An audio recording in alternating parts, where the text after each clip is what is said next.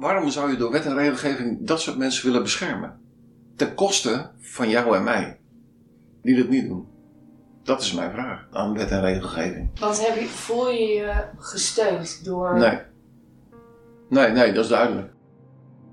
Stel je komt er echt niet meer uit met je buren. Hoe lang hou je dat vol?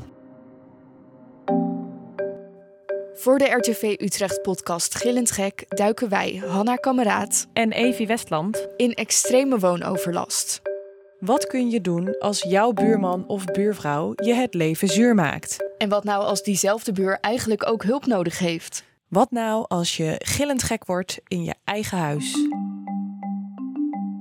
In de vorige aflevering hoorden we hoe diep confrontaties met de buren onder je huid kunnen gaan zitten. Op een gegeven moment gaat het gewoon in je kop zitten. Dan, ja, traumatisch is misschien een heel groot woord, maar het wordt wel erg. Het gaat, in, het gaat in je hoofd zitten. En hoe mensen zich compleet genegeerd voelen door de instanties. De regelgeving is echt zo absurd. Het is gewoon Kafkaans, zal ik maar zeggen, dat je gewoon niks meer kan. Ze hebben het idee dat die niks voor hen willen doen. Maar is dat ook zo? We hebben een interviewafspraak met Erik en Sabra. Het is voor uh, RTV Utrecht. Nou, wij zijn eh, vooral bezig eh, met, eh, met mensen, met onze huurders en soms ook de buren van onze huurders. We worden voornamelijk betrokken bij woonoverlast. Mensen die hun huizen helemaal vol hebben met spullen. Als mensen zich zorgen maken over hun buren, gaat misschien niet zo goed met iemand of ze krijgen geen contact meer, dan nemen ze contact met ons op. Als woonconsulent krijgen Erik en Sabra van Mitros dagelijks te maken met extreme woonoverlast. Zij proberen te bemiddelen tussen buren. De ene keer met meer succes dan de andere. Het gaat soms om heel kwetsbare mensen. Maar dat maakt het in de keuze die wij moeten maken zo, zo moeilijk. Want we krijgen de melder, in dit geval krijgen we aan de telefoon, vaak, vaak emotioneel, radeloos, weten niet meer wat ze moeten doen, want ze willen van die overlast af. En aan de andere kant heb je ook je zorgplicht naar, ik laat het maar even noemen, de patiënt. En je krijgt die melding binnen. En we hebben natuurlijk heel veel collega's waar we terecht kunnen. We hebben heel veel hulpverlenende instanties waar we terecht kunnen. Maar je krijgt wel die melding als eerste, of bijna als eerste binnen. En daar moet je wel iets mee doen. En tot hoe ver reikt die zorgplicht dan als woningcorporatie? Ja, dat vind ik een hele goede vraag. Het is ook wat, wat, je, wat je er zelf mee wilt. Ja, waar ligt die zorgplicht? Hoe ver gaat die? Ik vind, die, ik vind dat heel wij moeilijk. hebben, in, in feite hebben wij geen Nee, zorgplicht. nee. Hè? Het is, eh, Nee, daarom, Dat, ligt echt bij de Ja. hulpverlening. Ja. Daarom zijn we ook altijd heel erg blij met de samenwerking Ja. met de hulpverlenende instanties. Woningcorporaties zijn geen hulpverleners. Ze verhuren huizen. De taak van Erik en Sabra als woonconsulent houdt op een gegeven moment op. Maar daarmee is de overlast nog niet altijd opgelost. Hoe dan verder?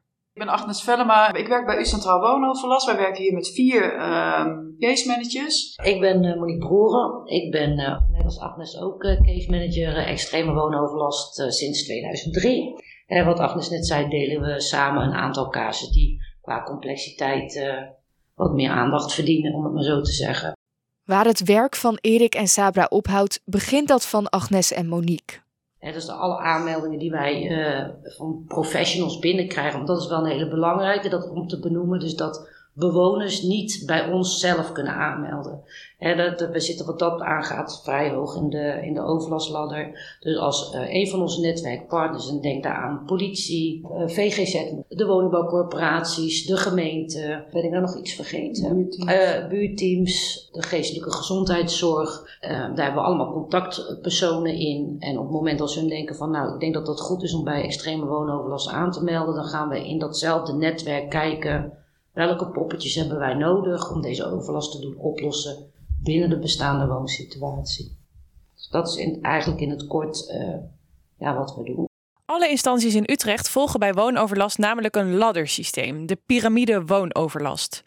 Iemand die overlast ervaart, moet eerst al die stapjes doorlopen. Eerst moet je als bewoner er zelf proberen uit te komen met je buurman of buurvrouw. Lukt dat niet, kun je buurtbemiddeling inschakelen. Haalt ook dat niets uit, kun je naar de woningcorporatie, Erik en Sabra dus, of de politie stappen. Pas daarna komen de case managers van U Centraal kijken. Je kan dus niet zomaar even zelf naar Agnes en Monique bellen als je ruzie hebt met de buurman. Dat gaat echt via de instanties.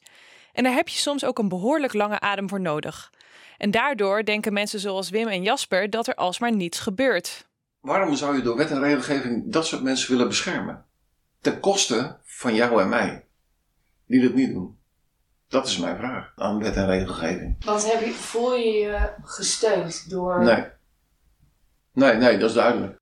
Nou ja, wij hebben als uh, corporatie natuurlijk ook een, een verplichting om uh, mensen uit de maatschappelijke opvang uh, te huisvesten.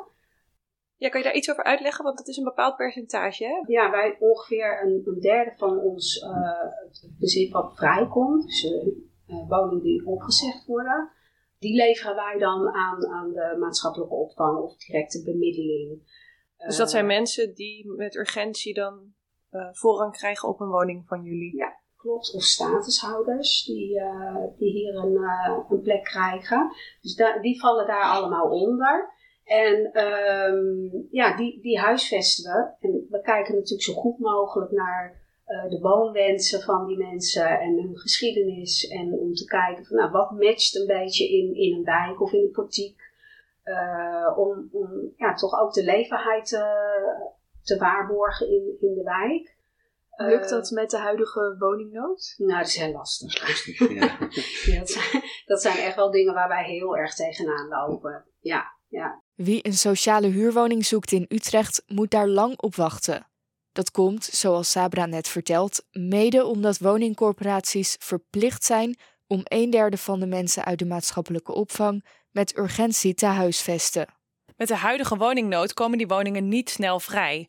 Op het moment dat er iemand uit bijvoorbeeld een GGZ-instelling door Mitros geplaatst kan worden, kan dat dus best een uitdaging zijn. We hebben natuurlijk al heel veel complexen waar ook al mensen met een ja, ja, rugzak wonen, laat ik maar gewoon zo inderdaad zo zeggen. Dus, en de reguliere huurders die misschien ook wel door alle uh, veranderingen in de omgeving ook uh, het, het lastiger vinden of sneller geprikkeld zijn of overlast ervaren. Dus het, het wordt wel een markt die steeds meer verzadigd is, zeg maar. En weinig uitwijkmogelijkheden voor, voor nieuwbouw. Dus ja, ik denk dat dat heel erg lastig is en steeds lastiger wordt. Corporaties komen dus voor steeds grotere uitdagingen te staan. En als er eenmaal woonoverlast is, kun je iemand ook niet meer zomaar het huis uitzetten. En je, bent even in het begin, ben je, voor mijn gevoel, probeer ik altijd te beginnen als om het maar zo te zeggen, een beetje Zwitserland. He, daarin heeft een melder zijn verhaal en heeft een uh, beklaagd heeft zijn verhaal. En gaandeweg ga je uiteindelijk er iets van vinden. En soms kan je ook echt uh, vanuit onze rol zeggen van nou, we denken dat die persoon moet gaan verhuizen of dat het beter is hè, dat die weggaat. Hè, en dan nog gaat uiteindelijk iemand er een klap op geven of in het meest ergste geval een rechter kan er, hè, gaat een onafhankelijke rechter er iets van vinden. De uitspraak van de rechter is het laatste stukje. Het laatste stuk. Dat is de, de huisuitzetting eigenlijk, zoals ja. als je negatief. Maar als er dan dus geen woning is en iemand kan niet naar familie, wil op zich wel graag hulp hebben, maar de wachtlijsten die, die zijn te hoog, dan kan iemand dus alsnog op straat komen te staan. Dat zou kunnen, maar dan denk ik dat er voor iets is. Hè? Want uh, vergeet niet van, zoals ik heb nu ook een kaart, staat ook iemand op de wachtlijst van uh, nee. Ja, dan gaan we in die periode kijken. Wat gaan we doen dat jij daar, uh, hè, dat jij niet gebruikt in die periode. Of dat je, dat je geen overlast veroorzaakt, laat ik het daarom gooien. Dus dan gaan we wel kijken van hoe hou je het vol in die paar maanden. Ja, en dan is het wel aan de persoon. Het is verantwoording uiteindelijk van de persoon zelf. Want het komt ook heel vaak voor dat iemand uh, bij de Jelinek staat en weer rechts omkeert en weer teruggaat. En dan beginnen we weer van nul. Ja. Terwijl we de melders eindelijk weten van, goh, die persoon wordt opgenomen, uh, er komt iemand anders terug. Nee dus. Ja, ja dan gaat een woningcoöperatie wel heel snel juridische stappen ondernemen. Maar dan zit daar al een heel lang traject vooraf voor echt. U Centraal behandelt zo'n 100 zaken per jaar, waarvan er 90 niet tot een uithuisplaatsing leiden. In veel gevallen loopt het met een sisser af. Want weet je nog Wim? Als we na een paar weken met hem bellen hoe het ervoor staat, krijgen we het volgende nieuws te horen. Hi Wim, je springt even. Hi. Hi. Nou, ik zal achterstevoren beginnen. De buren zijn verhuisd gisteren met een stille krom en staart tussen de benen, zo lijkt dat wel. Ze zijn verhuisd? Ja. Oh, Uh, ze hebben regelmatig gesprekken gehad met de woonconsulent. Bleek achteraf, ben vorige week uh, maandag of dinsdag gebeld door de woonconsulent. En de laatste dat de woonconsulent uh, die buren gesproken heeft, heeft aan met gezegd van... als je zo doorgaat, de klachten zijn massaal en de politie begint naar de deur te komen. En ze hebben ook een boete gehad nu voor geluidsoverlast. Als jullie zo doorgaan, dan kunnen wij geen huurdersverklaring meer afgeven. Dus ik denk dat hij ze ook een beetje onder druk gezet heeft van jullie moeten weg. Soms had je het idee van er gebeurt eigenlijk niet zoveel vanuit politie, vanuit BOEX. Maar nu achteraf hm. blijkt dus best wel dat zij ondertussen eigenlijk best wel hard eraan gewerkt hebben. Yes, dat, dat klopt. En daarom heb ik ook een appje gestuurd naar Hanna. Want ik denk, ik, ik weet niet meer precies wat voor beeld ik geschetst heb van BOEX. Ik ben blij dat het zo opgelost is. Ook dat BOEX echt, echt veel druk achter, achter gezet heeft. Hoe heb je, hoe heb je geslapen uh, vannacht? Heel slecht. Heel slecht. het, was heel, het was heel stil. Ik denk, je hebt heerlijk geslapen, maar nee, het was nee, te stil. Nee, ik, nee ik, moet, ik, ik, ik moet nog even wennen aan het. Ik, ik, ik, vind, ik vind het een beetje onwerkelijk, moet ik zeggen. Wim is blij dat het probleem voor hem nu is opgelost. Toch blijft hij ook nog een beetje bezorgd. Ik begreep ook van de secretaresse van de, van de wijkagent in Utrecht. Ze verhuizen gewoon om het jaar, anderhalf jaar. Ja, het is, het is een, een, een terugkerend patroon, zeg maar. Ja, en dat al voor de laatste twintig jaar heb ik begrepen.